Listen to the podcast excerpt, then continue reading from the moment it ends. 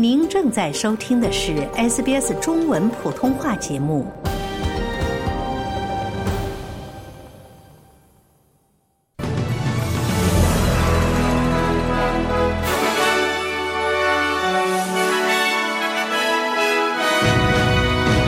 联盟党呼吁对乌克兰做出长期财政承诺。以色列称将继续维持对加沙的安全控制。新州警官因涉嫌谋杀一对伴侣而被起诉。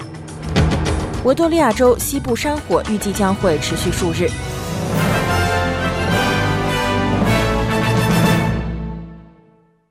以下是新闻的详细内容：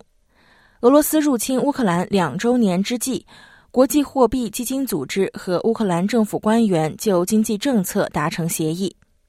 该协议是在对乌克兰二百三十八亿澳元（折合一百五十六亿美元）的为期四年的扩大基金机制安排进行第三次审查的六天会议之后达成的。相关发展促使联盟党呼吁对乌克兰做出长期的财政承诺。欧洲驻澳大利亚大使维森廷表示，澳大利亚对乌克兰的支持坚定不移。反对党外交事务发言人伯明翰表示，澳大利亚应该像其他国家一样证明这一点。We've seen in the last couple of weeks Japan step up with a 12.1 billion dollar package of support for Ukraine. 我们看到日本在过去几周内向乌克兰提供了一百二十一亿澳元的一篮子支持，这些支持将持续数年。但仅在今年就提供了超过四十亿澳元，这种支持能够让乌克兰有信心进行规划、战斗并取得胜利。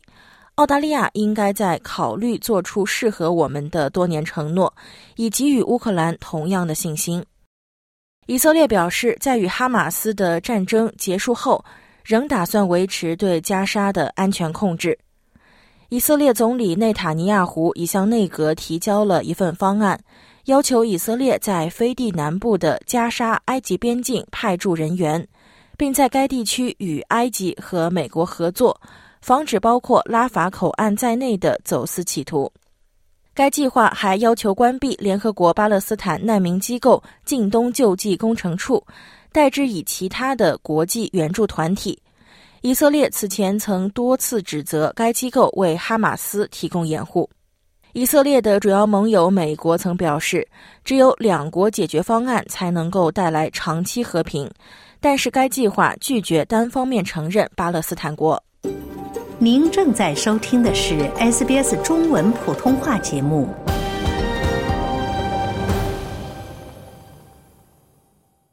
欢迎您继续收听 SBS 新闻简讯。接下来，我们来关注一下其他方面的消息。在一名现役警官因涉嫌谋杀悉尼一对失踪伴侣而被起诉之后，警方正在继续搜寻这对伴侣。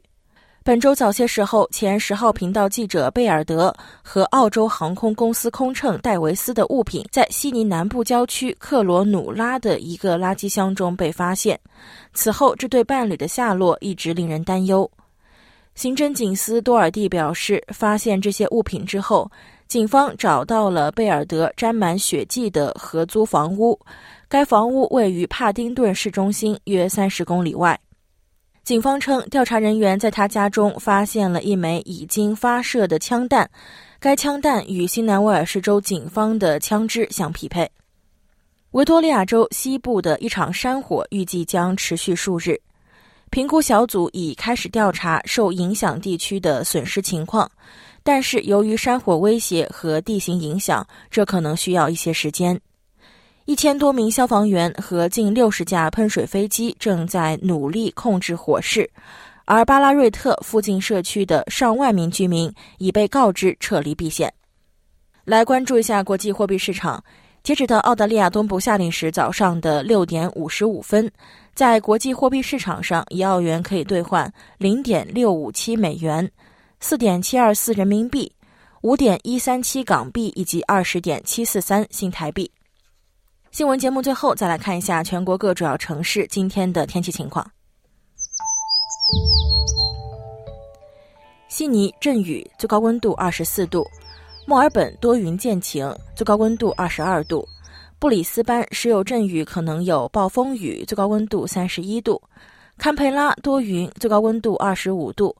阿德莱德晴，最高温度二十九度；珀斯时有阵雨，最高温度三十一度；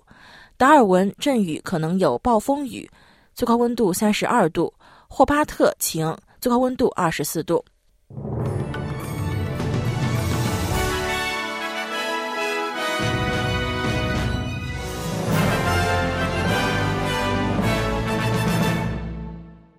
了解澳洲，融入澳洲，欢迎登录 sbs 点 com 点 au 前斜杠 language 前斜杠 mandarin，获取更多澳大利亚新闻和资讯。